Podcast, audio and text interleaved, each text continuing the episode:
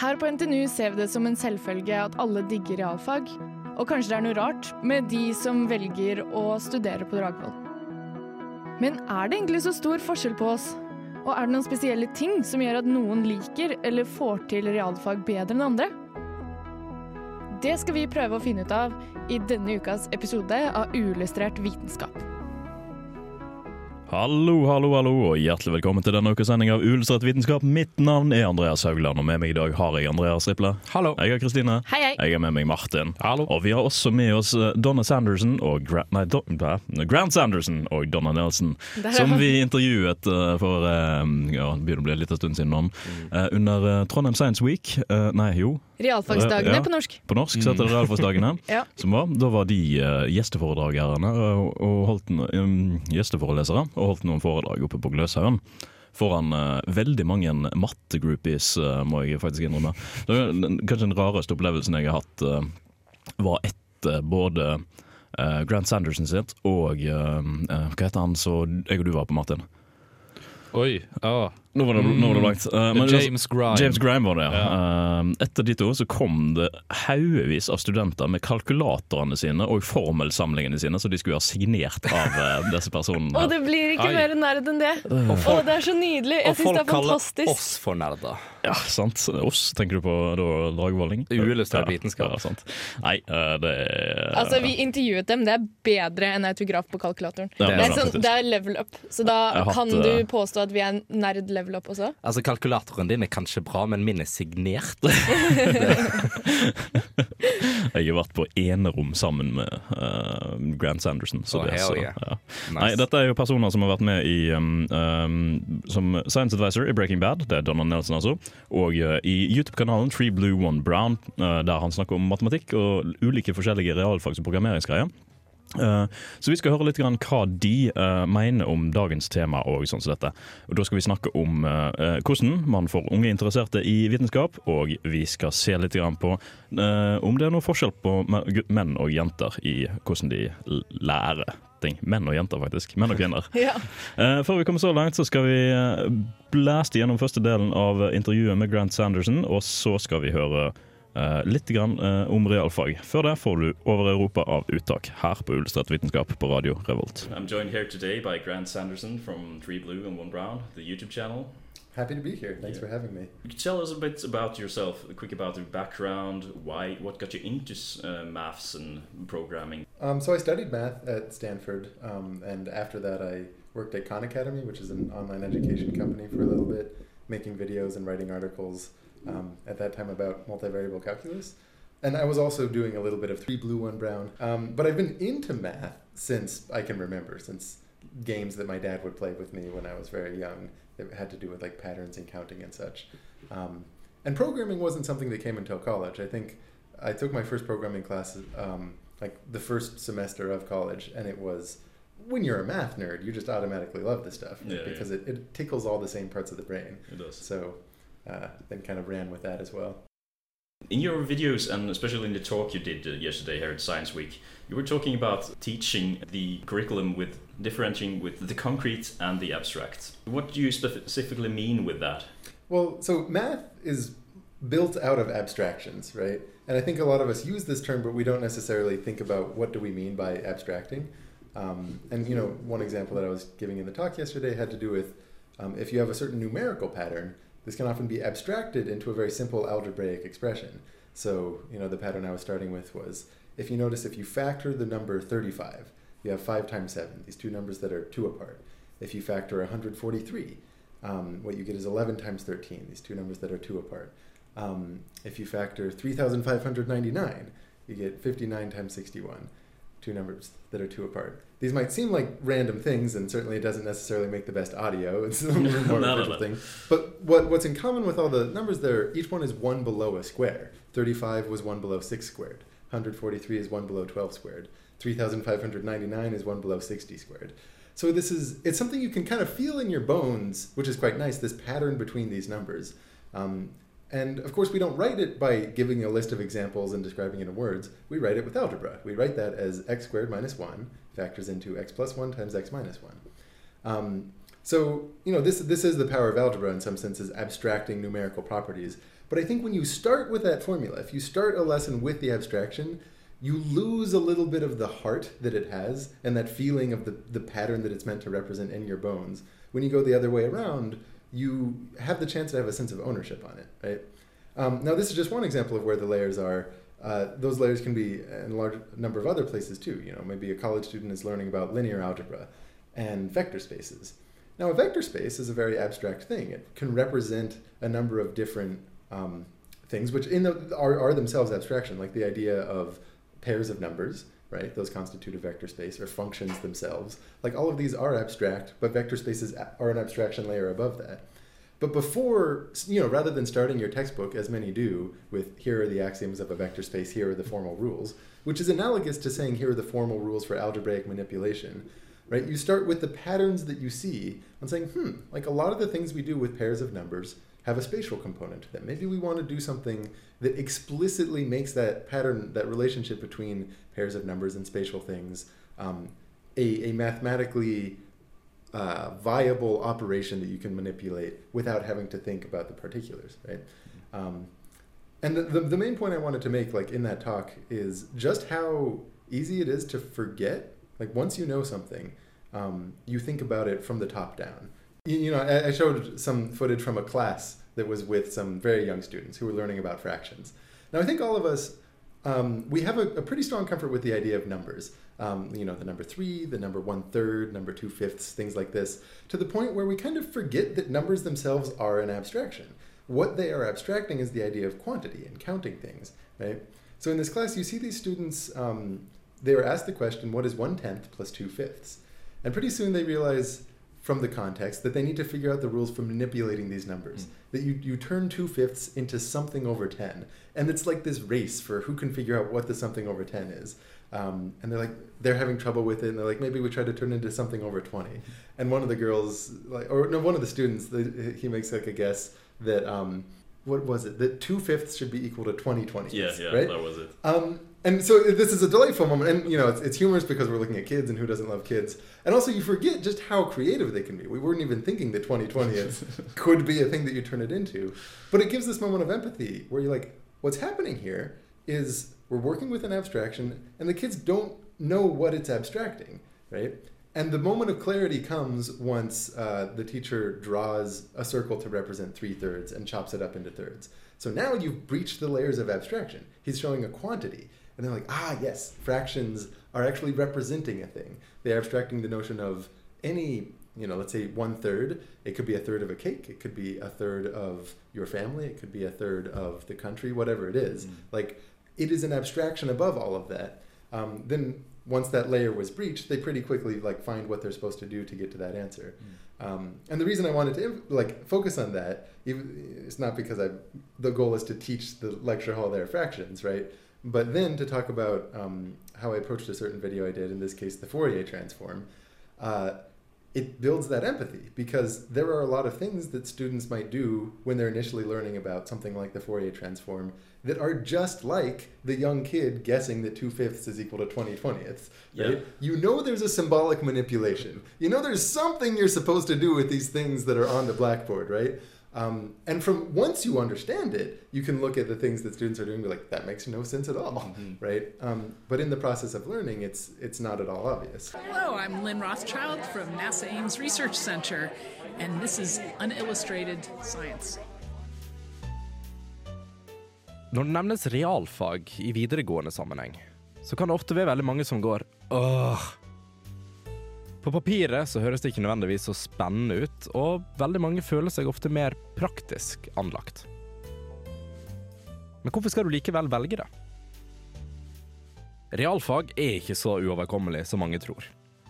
Mange ser på det som mye vanskeligere enn andre fag, men det er ofte ikke sant. Norge trenger òg flere med realfagsutdanning. Det å f.eks. lære om kjemi og naturfag kan gi deg en ny forståelse for hvordan verden fungerer og legger til grunne for veldig mange utdanninger i Norge. Sannheten er at mange høytstående arbeidsmarked krever realfagsutdanning.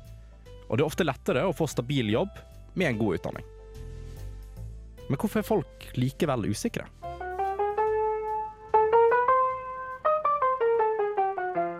Fra tidenes morgen har mennesket måttet teste ut hvordan ting egentlig fungerer. Hvordan skal vi gjøre det i dag?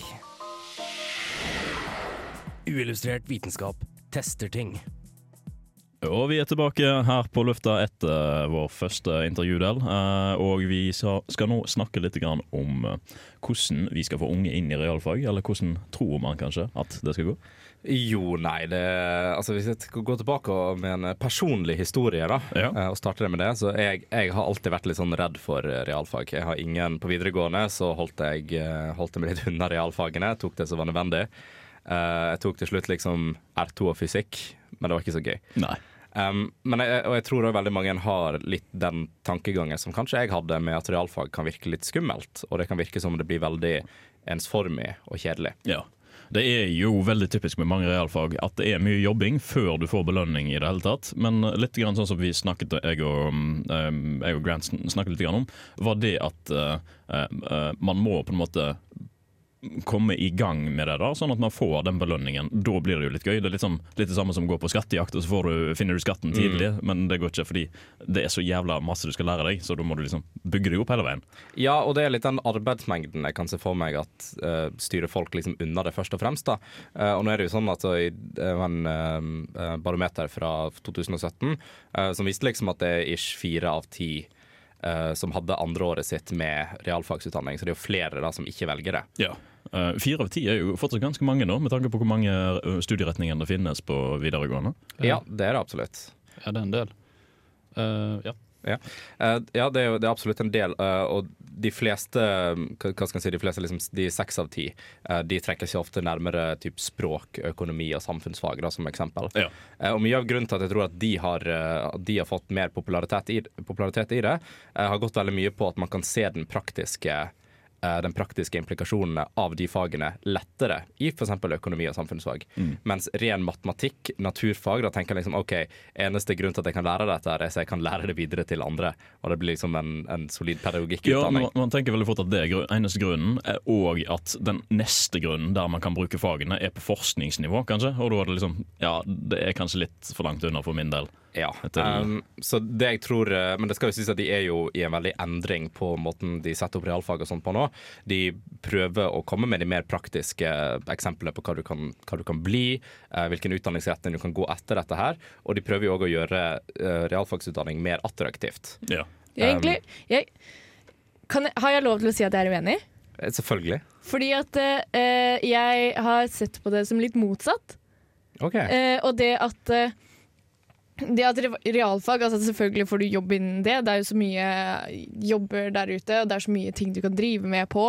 Og eh, at selvfølgelig har den praktiske bruksområdet fordi at det, det handler om naturen og hvordan eh, verden fungerer. Og selvfølgelig, hvis jeg kan ting om verden, så kan jeg gjøre ting med verden, og det er jo en logisk sammenheng der. Også at eh, man kanskje jeg tror kanskje det ligger i at det er en annen tankemåte enn det man kanskje er vant til fra før av. Fordi at du lærer veldig tidlig når du går på skolen. Du lærer å lese, du lærer å skrive, du lærer engelsk. ikke sant? Det er liksom i den språkretningen. Men du, for å gjøre matematikk eh, og realfag, sånn matematikk og fysikk, sånn veldig sånn tekniske ting, så må du tenke på en annen måte enn det du gjør til vanlig. Det, det er jeg enig i. Du må legge på en måte om måten du tenker på. Det har jeg merka når jeg skulle tilbake etter å ha eh, gått eh, medisin en stund, som er liksom litt annerledes igjen. At man går tilbake igjen til matematikken, og så er det sånn Oi, shit, nå må jeg begynne å tenke på en helt annen måte enn det jeg har gjort før. Og at den der endringen i tankemønster, det er på en måte en liten terskel. terskel. Det tar mye tid å komme seg over den terskelen også, og det er jo litt grann det som er på en måte frykten. Ja, det er en sånn treningssak. Det er som å lære seg å sykle. Det tar litt tid å kunne sykle uten støttehjul, og så kan du det, så går det greit. Mm. Men det er der jeg, det er der jeg synes en av problemene har vært tidligere, er at det ikke har vært Innenfor realfag så er det litt sånn som du sier, det er en vanskeligere terskel på en måte å komme inn i det for å få det tankemønsteret. Og der har det vært for lite oppfølging av studenter med lavere karakterer. Ja. Um, der har det ofte vært sånn OK, du, hvis du takler dette her, så er du innenfor realfag. Uh, og bare sånn Ja, du, du får femmer i matte, og dette går bra, jeg liker matte. Uh, men hvis du begynner å slite med det veldig tidlig og får dårlig oppfølging av det, så er det mye lettere å falle av, og da går han ofte over til noe som har et tankemønster som kan virke litt nærmere deres eget, sånn som språk eller samfunnsfag. Mm, og så tar det også litt lengre tid før du er i stand til å forstå matematikk og fysikk. Eh, sånn rent sånn eh, hjernemessig. Altså, hardware, da, hvis jeg skal kalle det eh, hjernehardware. Eh, det tar litt tid før du er på en måte eh, Før hjernen din klarer å sette sammen logikken. Mm. Det er Eh, jo, og det krever at du har en viss grad av modenhet. Og sånn som du er, da. Eh, flere og flere starter med realfag tidligere og tidligere, og tidligere, og så blir det sånn Men eh, folkens, hjernen deres takler det ikke ennå. Den klarer ikke å sette to og to sammen, fordi at eh, de bare Hjernen er ikke ferdig laget. Og da blir en, da blir en demotivert. demotivert. Og da blir du demotivert, Ja. fordi du klarer det ikke, og så går du tilbake til det om sånn tre år senere, og så bare sånn Å, herregud, Mm. hvor dum var jeg ikke da? Men det er bare det er modning, rett og slett. da. Ja, og det er litt sånn som, sånn som jeg nevnte i saken min, òg, at det, det er mye, mye som skjer i Norge i fremtiden og i, um, og i verden i fremtiden som, som krever en realfagsutdanning. Mm. Men apropos liksom vanskelighetsgrad, jeg har jo hørt mange snakke om hvorfor de ikke valgte realfag, både blant forelesere og andre, at det er liksom den De så det var vanskelig, dermed så fikk de ikke, var det ikke motivasjon til å prøve. Og jeg så et foredrag med jeg tror det er Matt Parker han heter, han er av og til på Numberfile, tidligere mattelærer. Han snakket om det at matte er vanskelig. Altså det er det er rett og slett bare noe du må øve på å få til. Og det handler liksom om å, om å klare å løse den utfordringen fremfor skal vi si, en eh, sakte oppbygging av lærdom. Eller det er jo det òg, men det er vanskelig fra starten av, kan man si. Og det kan virke demotiverende, men for noen så virker det som en mer gøy utfordring. Ja, for du må klare utfordringen for at det skal være gøy, på en måte. Ja. Men fordi når du først klarer utfordringen, så blir du sånn yes! Og så har du lyst til å gjøre det igjen og igjen. Ja. Og hvis du ikke får det til, så er du i godt selskap. Det er det er mange som tenker det samme. Ja, ja, det er flere Altså, jeg leste eksempel om han jeg tror det er Brian Cox han heter, som har hatt noen BBC-program og sånn. Stemmer. Han lurer litt på om da han går ut av det som tilsvarer videregående for oss, så hadde han ikke så gode mattekarakterer. Sånn Ja, han er vel doktor eh, eller professor eller noe sånt? Ja, det var Professor sånn. Brian Cox. ja. Ja. Men det er jo litt inne på det med, med oppfølging, og at det er så sykt viktig for lærerne å kunne hjelpe folk videre med dette her. Og jeg husker jo selv at jeg, altså jeg sleit, jo, sleit jo genuint med det liksom, på tidlig videregående.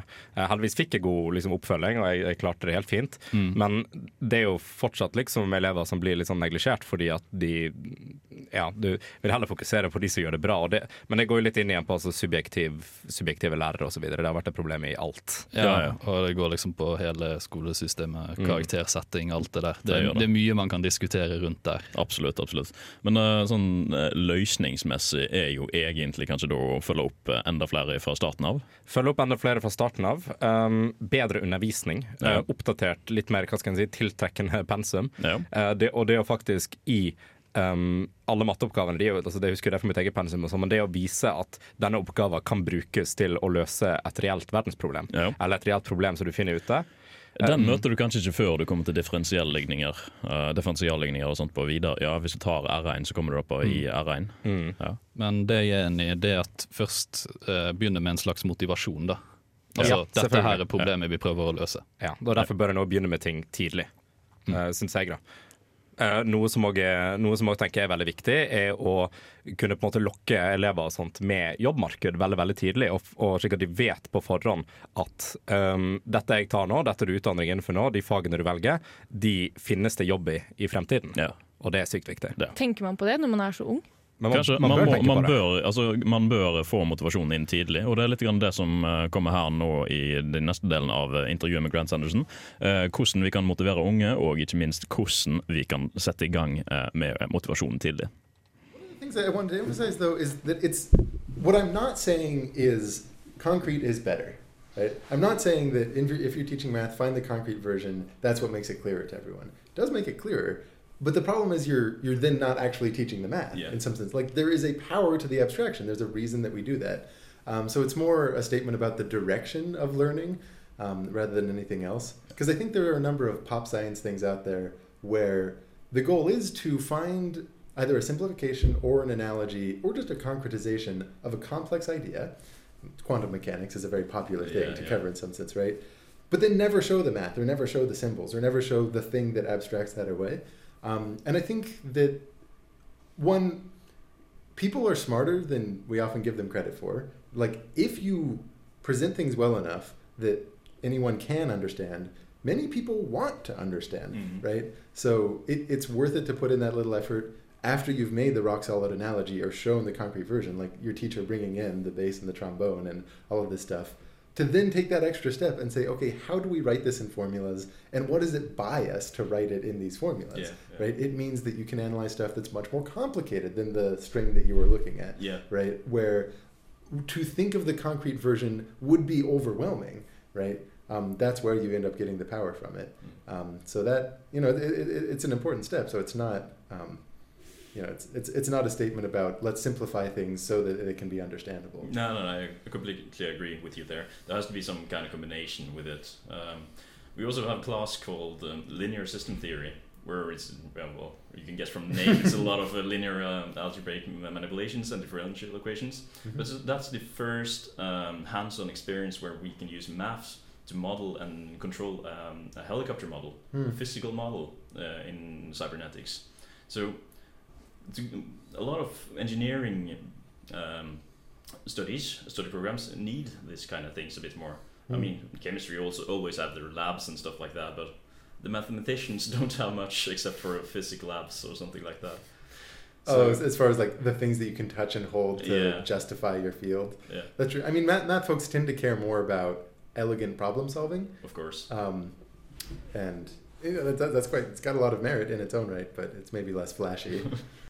One of these, uh, this, this method of, of um, um, making videos, it also shows something about um, in, an interesting in re- reforming the way that some kind of lecture is done today. Like uh, you want to maybe have a library where you can look up stuff first and then use uh, the lecturer and professor as a flipped room uh, kind of thing. Do you think that would improve the overall experience at universities and stuff like that? I think we know it does. That like the flipped classroom model is better. That lectures aren't where people learn. Like I think there's pretty good educational research behind that at this point. No. Um, so I'm definitely a big advocate for a flipped model where time in the classroom is spent actually doing things with the teacher being kind of more of a mentor. Um, and if there are the materials to back that up, um, in terms of people having a first exposure to the explanations before the class, probably online. It could be from a book though. You can do a flipped classroom model with a book. There's nothing special about the internet No, here, no, right? yeah. Um, realistically, the way that'll probably look is that it's recorded lectures from the teacher because they really want to tailor it to stuff. But the role that I see of people who make online educational content, like um, Khan Academy or the stuff I'm doing now, is hopefully to help build out that library of what enables the flipped model a little bit more easily. Mm. Um, so I'm absolutely a, uh, an advocate for that being the way things should move. Going back to your videos a bit now, uh, you have these characters in your videos, these uh, pie creatures. Yes. what, what are the background for these? Uh, yeah, so I think there was one video I was doing very early on talking about graph theory. And I was describing some result where it, it was helpful to think about walking along the graph from one node to the next along edges. I'm like, oh, it might, might be nice to have something small that's like walking along it. Um, and for some reason, I, I was just looking at like the symbol pi and sort of thinking about how the two legs of the symbol for pi sort of look like legs of a creature and just throw some eyes on it. Uh, and I was working I, with my like own hand baked animation tool, for better or for worse, uh, at the time, and it was just so much simpler. I'm like, well, I already have you know can work with like the tech rendering of the symbol pi, and it's nice to like move that from a formula or whatever you might have. Well, let's just throw some eyes on it and like have it walk around and. Um, no more like design work to be done to put on to like create a character. Um, but then what I think I realized, I, I was doing that as this one off to have like a little walking thing. I realized having a character or something emotive on the screen, even if it's silly and cartoonish in an otherwise very like serious context, um, that it's a very nice tool to have to communicate. Uh, I, I talked about this a little bit yesterday, but like to have a character on screen who's showing confusion in some way is a way you can tell the audience? Like hey it's okay to be confused right now. Like everyone is. But you don't want to say that out loud. It you know it occupies more time in a script when you want to like keep things shorter and it also might be condescending.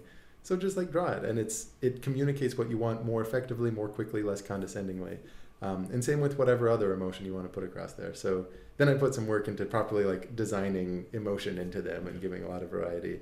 Um, and of course it's just silly because it's like a symbol from math that it's like we don't think of math as a thing that has personality um, so something sort of charmed me about that but it's very arbitrary. Do you think um, emojis should be a bigger part of um like research papers and Yeah. uh, and I mean, books? it's it's an absurd opinion, but I would stand to it that I think, uh, like, if textbooks had stick figures or something emotive in them, they would be more effective teaching tools um, because you can layer emphasis in the points you want. I mean, we do this with textbooks in the form of bolding stuff or putting in a box, like that sort of draws your eye to it.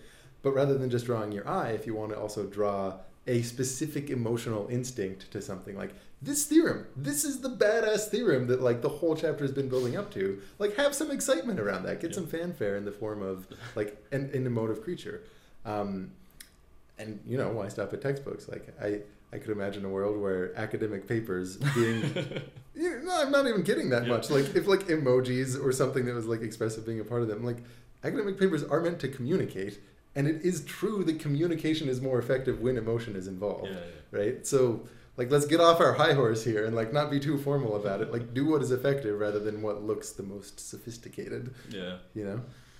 I wonder if emojis would they count as a word count for your, for your assessments? Oh, it's very it's very efficient. Think of how Yeah. spatially efficient it is to have just a single character communicating rather than like trying to wrap it around prose in your sentence to get the same. We point were across. talking a bit about um, getting interested into science. Do you think these uh, techniques that you you mentioned will also apply to a younger audience, not just people that has um, already been through high school and college, like um, to get them interested into science already at primary school levels?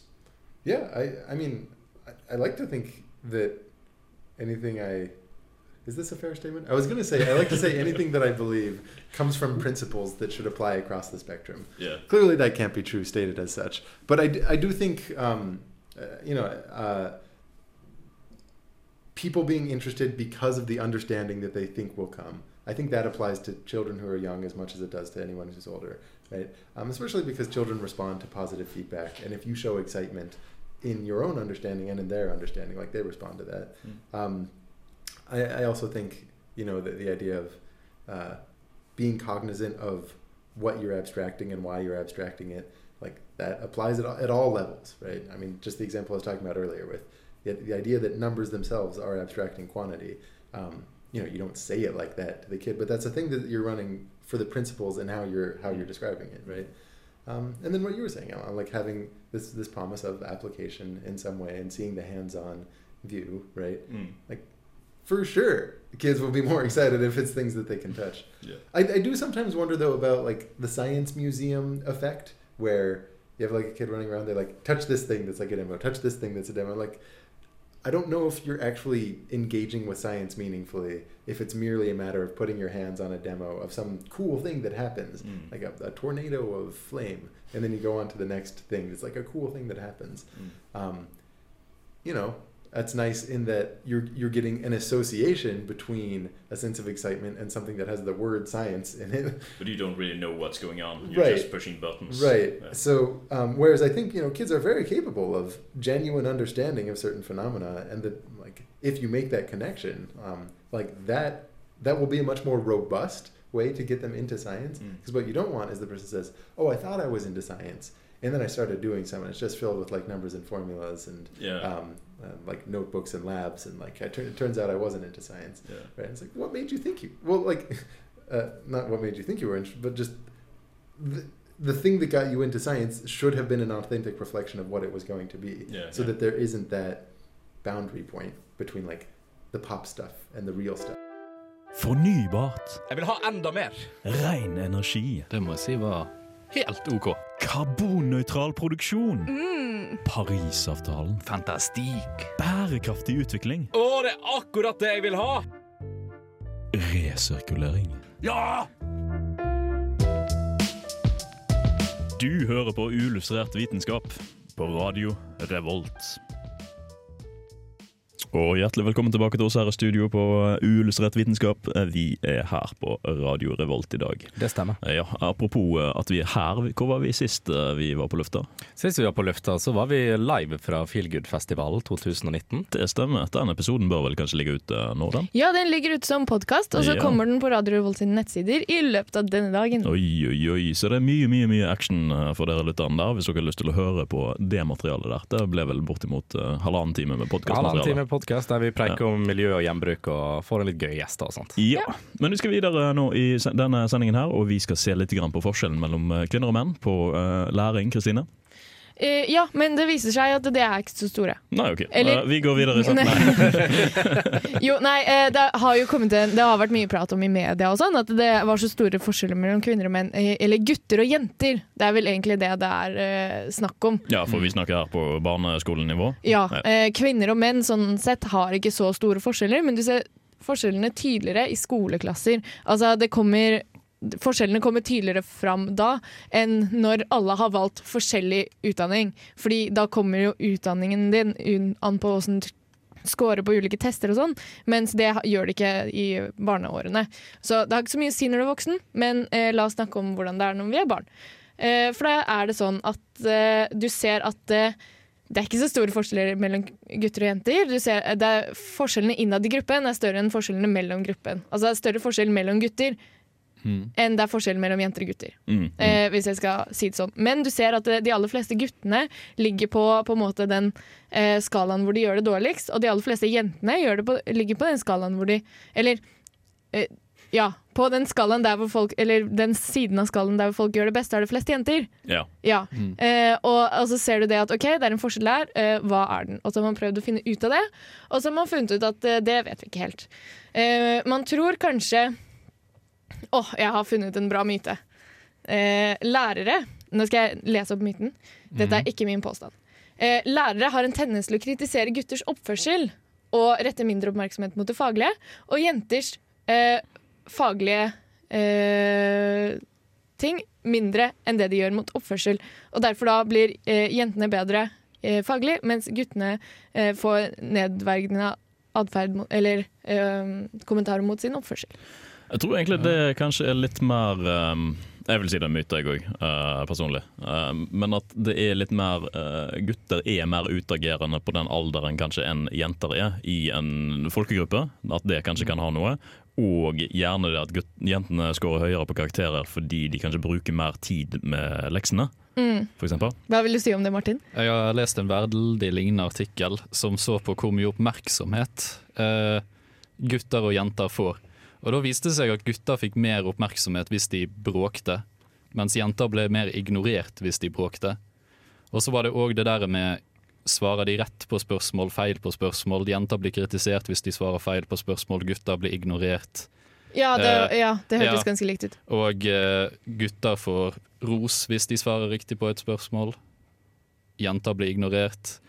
Og da blir det litt sånn her eh, Men dette er jo generelle tendenser, da. Det er jo Mhm. ikke sånn er det. Men det var liksom det det pekte på, som kan forklare litt. Altså jeg vil si at det er um, det, Jeg tror at det er, en, det er en relativ myte, men jeg tror det er noe sannhet å hente i det. Fordi um, jeg har jo hatt uh, Jeg har vel snakket om det på Illustrert vitenskap før, det med subjektive lærere uh, og subjektive undervisere. Og der føler jeg at det kan komme opp en del problemer som dette her. For en har jo ofte altså de lærerne som, som vi hadde Jeg vet ikke hvor den studien her, eller disse studiene ble gjennomført. Det, ikke, det var på 2000-tallet. På 2000-tallet. Ja, ja. Ja, og det, har en, eh, Det gir egentlig litt mening, for da har en på en måte de lærerne med litt sånn Kall det et litt sånn eldre mindset. eh, Og lærerne er jo ofte litt kall det opp i alderen, eh, og sånt, og da har de en eller annen spesifikk måte å tenke på. Ofte da relatert til kjønn. eh, Og generalisere rett og slett kjønnet. da. Eh, og så jeg tror det er litt sånn å hente i det med at Uh, eh, for eksempel gutter er Det er lettere for en gutt uh, å på en måte bli ansett som en, uh, som en bråkmaker eller klassens klovn og, og sånt så det, så det der. Eh, nettopp fordi at det er den eh, generaliseringen disse lærerne har, basert på hva de gjorde når, det var, når de var barn. Ja, ja eh, også, men så har det også vist at det er en litt svak sammenheng, og så er det liksom sånn OK, vi, subjektivitet til lærere er på en måte ikke noe eh, Selvfølgelig kan man gjøre noe med det, men man kan ikke gjøre sånn veldig mye med det. Uh, man kan tenke på det selvfølgelig, men det må være noe annet som ligger bak. Uh, og så har man egentlig konkludert med at det er så mye ting. Man tror også det har noe med modenhet å gjøre, som jeg sa i stad, at hjernen ikke er klar ennå til å lære ulike ting. Altså Jenter lærer tidligere det å snakke og skrive. Nei, ja.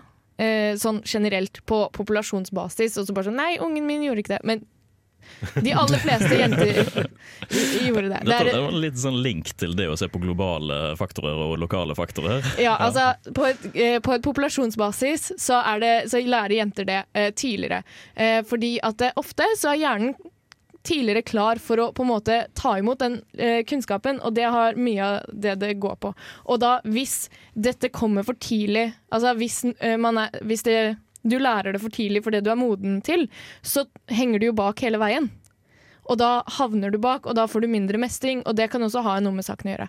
Jeg vil jo også si at liksom den aldersgruppa som, som dette refererer, altså til barn, f.eks. barneskole og overgang til ungdomsskole, er jo der hvor den modenheten er nesten mest merkbar i løpet av livet. Eh, Ja. For, det er der forskjellen mellom gutter og jenter er mer, i mine øyne, litt synligere. da. Ja, synligere på oppførsel, men eh, det å resonnere logisk, så er det også tidligere. Hele barneskolen, Jo, egentlig. jo, men jeg tenker, jeg tenker på alle faktorene mellom, mellom gutter og jenter, hvor jenter modnes tidligere, og de evnene utvikler seg tidligere, er i stand til å ta opp den type informasjon tidligere. Det er mer merkbart der, for at da får en veldig mye ny informasjon. Som jenter da prosesserer bedre, og så går det utover både oppførsel og eh, hvor bra de gjør det i skolen. Ja. Eh, og så er det det med hva eh, gjør at noen prosesserer ting bedre enn andre. For det er noen som lærer ting 10-20 ganger raskere enn andre. Hva har det med saken å gjøre? Og så er det noe Altså, vi tror at det er en eh, faktor, en slags hjerneevne eh, av noe slag. Eh, som, ikke, som IQ er et sånn ish-mål på, og det er et dårlig mål, men det er, sånn, det er et av de beste målene vi har, så da bruker man gjerne det.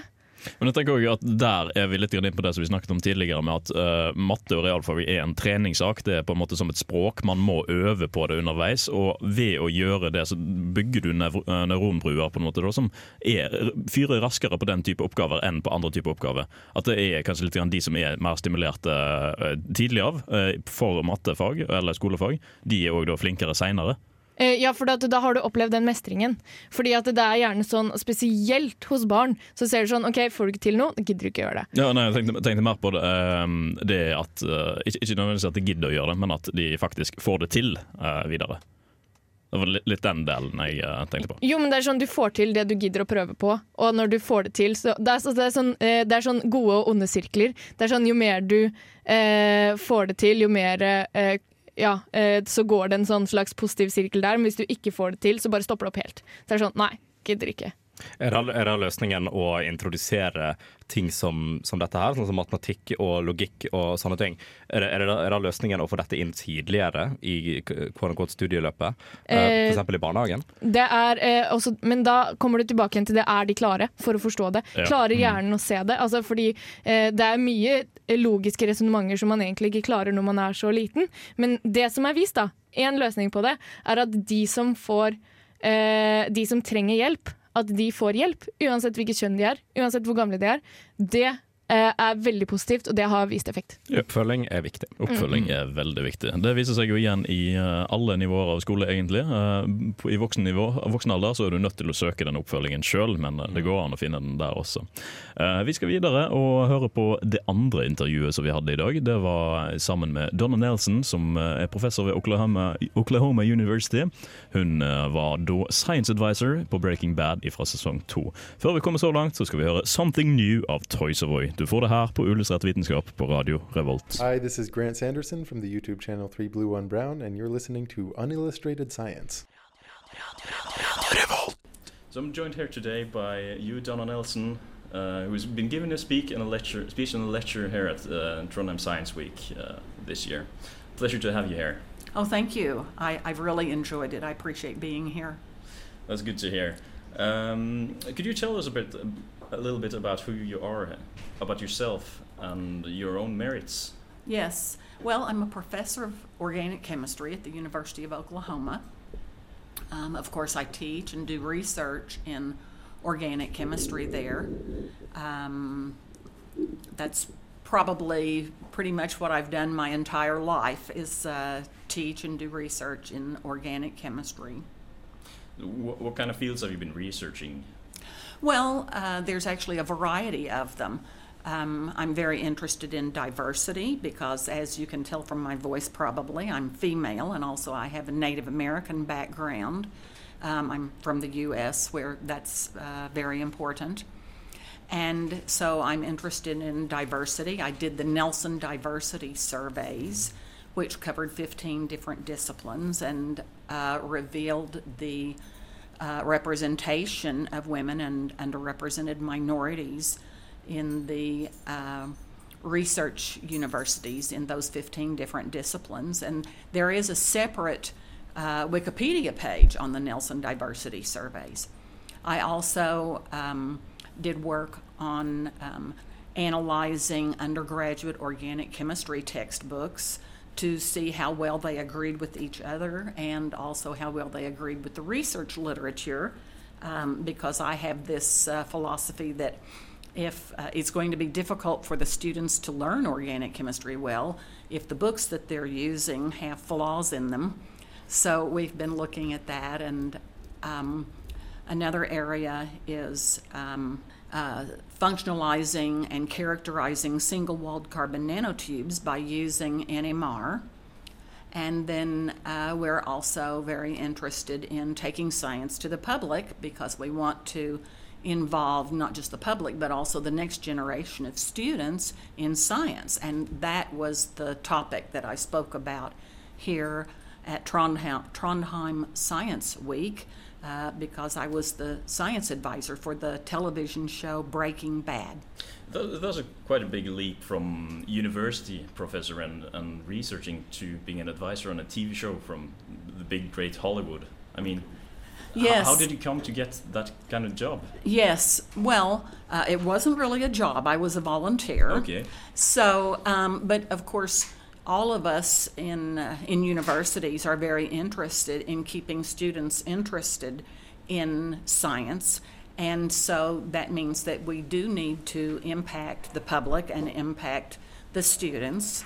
Uh, hopefully, whenever they're in high school or maybe even earlier. And so this was something that appealed to me when the opportunity became available. The way the opportunity became available to me is um, I am, am a member of the American Chemical Society, which is the largest scientific organization in the world. It, when I became president of the American Chemical Society, it had 168,000 members. And so um, one day I looked at the magazine that was Chemical and Engineering News. I looked at the most current issue of that magazine and I just was thumbing through it. And I saw a photograph uh, in one article. The photograph was um, of a man wearing uh, a lab apron and no pants, and he was standing in the desert. And I thought, this is a really weird photograph, so it caught my eye. So I read that article, and that article happened to be an interview of the producer of the television show Breaking Bad. And that was the end of season one. So, uh, for the show. And so, to make a long story short, um, I researched the show a little bit. I watched the first five episodes.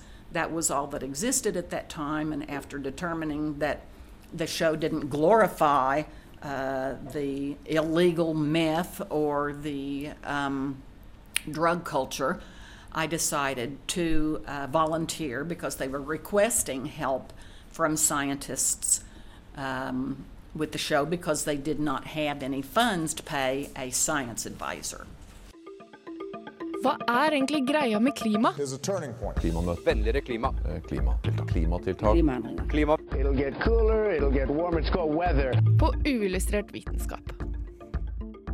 Hjertelig velkommen tilbake til studio. Vi er Ulyssert vitenskap på Radio Revolt. Ja, dette er jo da vårt første møte med Donna Nelson, som var Science Advisor i Breaking Bad. I vel å merke, Hun var veldig viktig på å påpeke at dette her var fra sesong to, og ikke fra sesong én. Fordi eh, eh, sesong én hadde en god del Hollywood-friheter.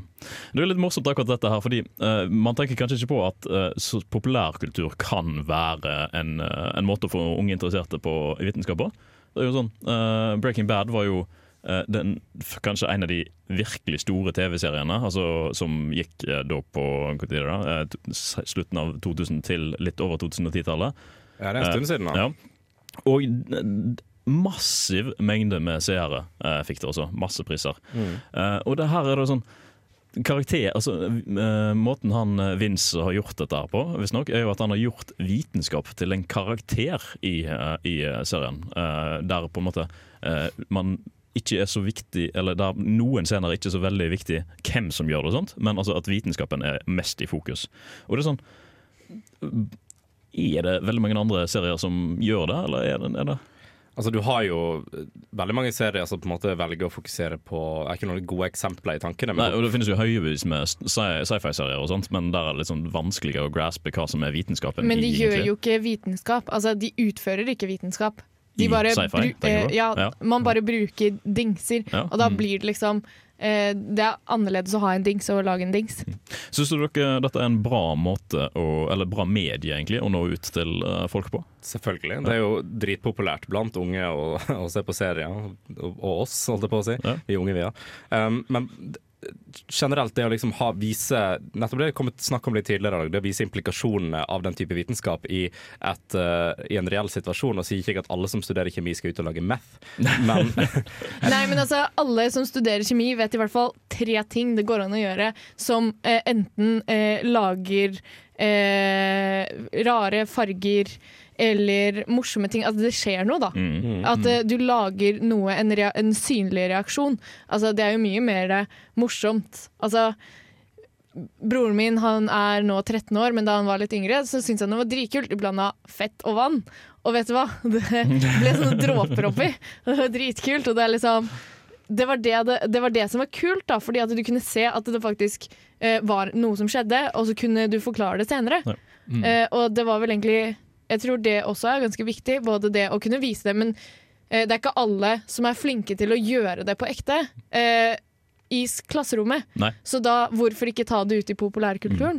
En svakhet med akkurat det med, med Hollywood er jo at de er jo veldig forskjellige mennesker fra vitenskapsmenn, eh, sa Donna Nelson. Eh, og det var jo eh, vanskelig i starten å vite hvordan hun skulle posisjonere seg, eh, fordi Hollywood er jo ekstremt kreative, og de er veldig sånn Å, yes, dette skal vi gjøre, dette er kult. Og så mm. uh, måtte hun på en måte ikke stå sånn at hun sa nei, nei, dette går ikke an, dette kan du ikke gjøre.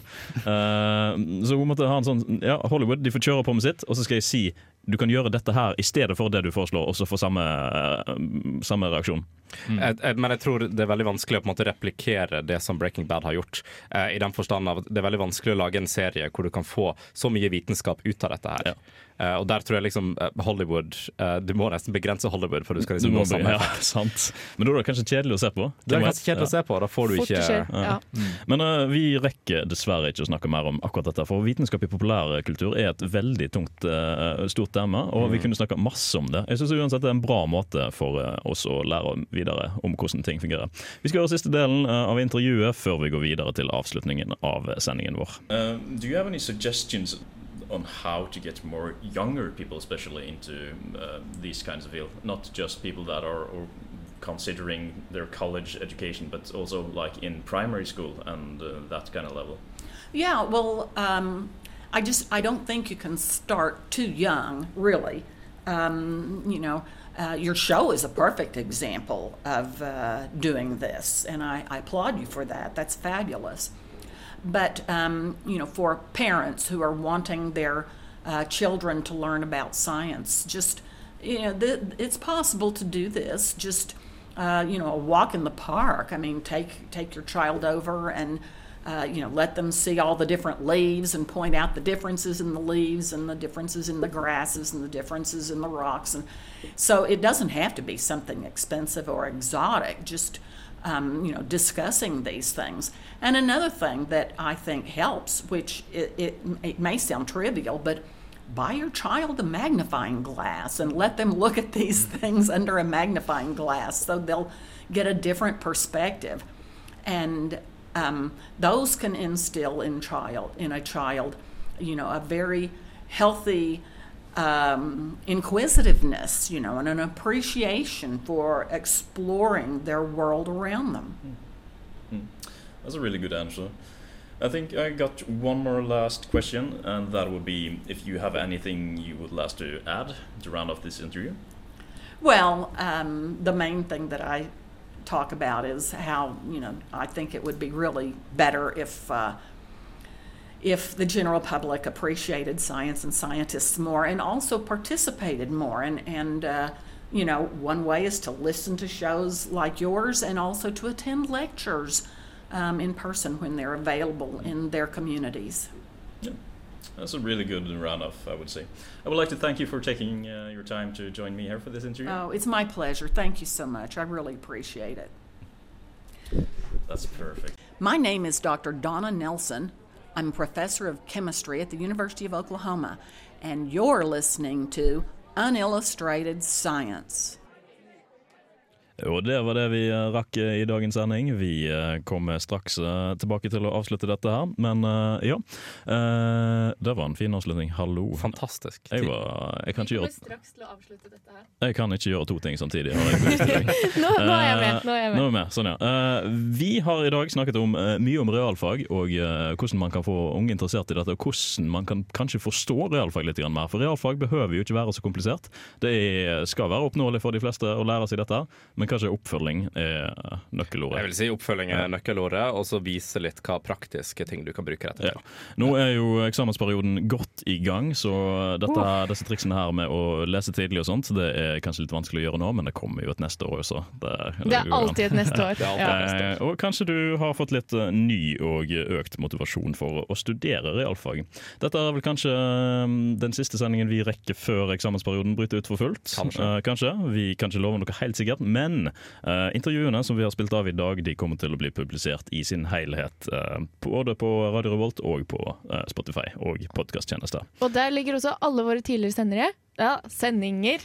Eh, så da er det bare å klikke seg inn og høre på akkurat det du har lyst til å høre. Ja. I tillegg så må du gjerne ta turen innom sosiale medier som Facebook og Instagram. Send oss en melding, kanskje vi kan på, svare på spørsmålene du eh, lurer på. Og eh, inntil den gangen, så Vi trenger forslag til ting å snakke om neste semester òg. ja.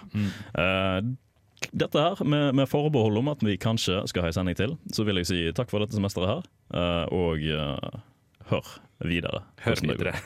Mitt navn har vært Andreas Haugland, og med meg i dag har jeg hatt Andreas Riple. Ha det bra. Jeg har hatt Kristine. Ha det bra. Jeg har hatt Martin. Ha det bra. Og du har hørt på Ulsrett vitenskap på Radio Revolt.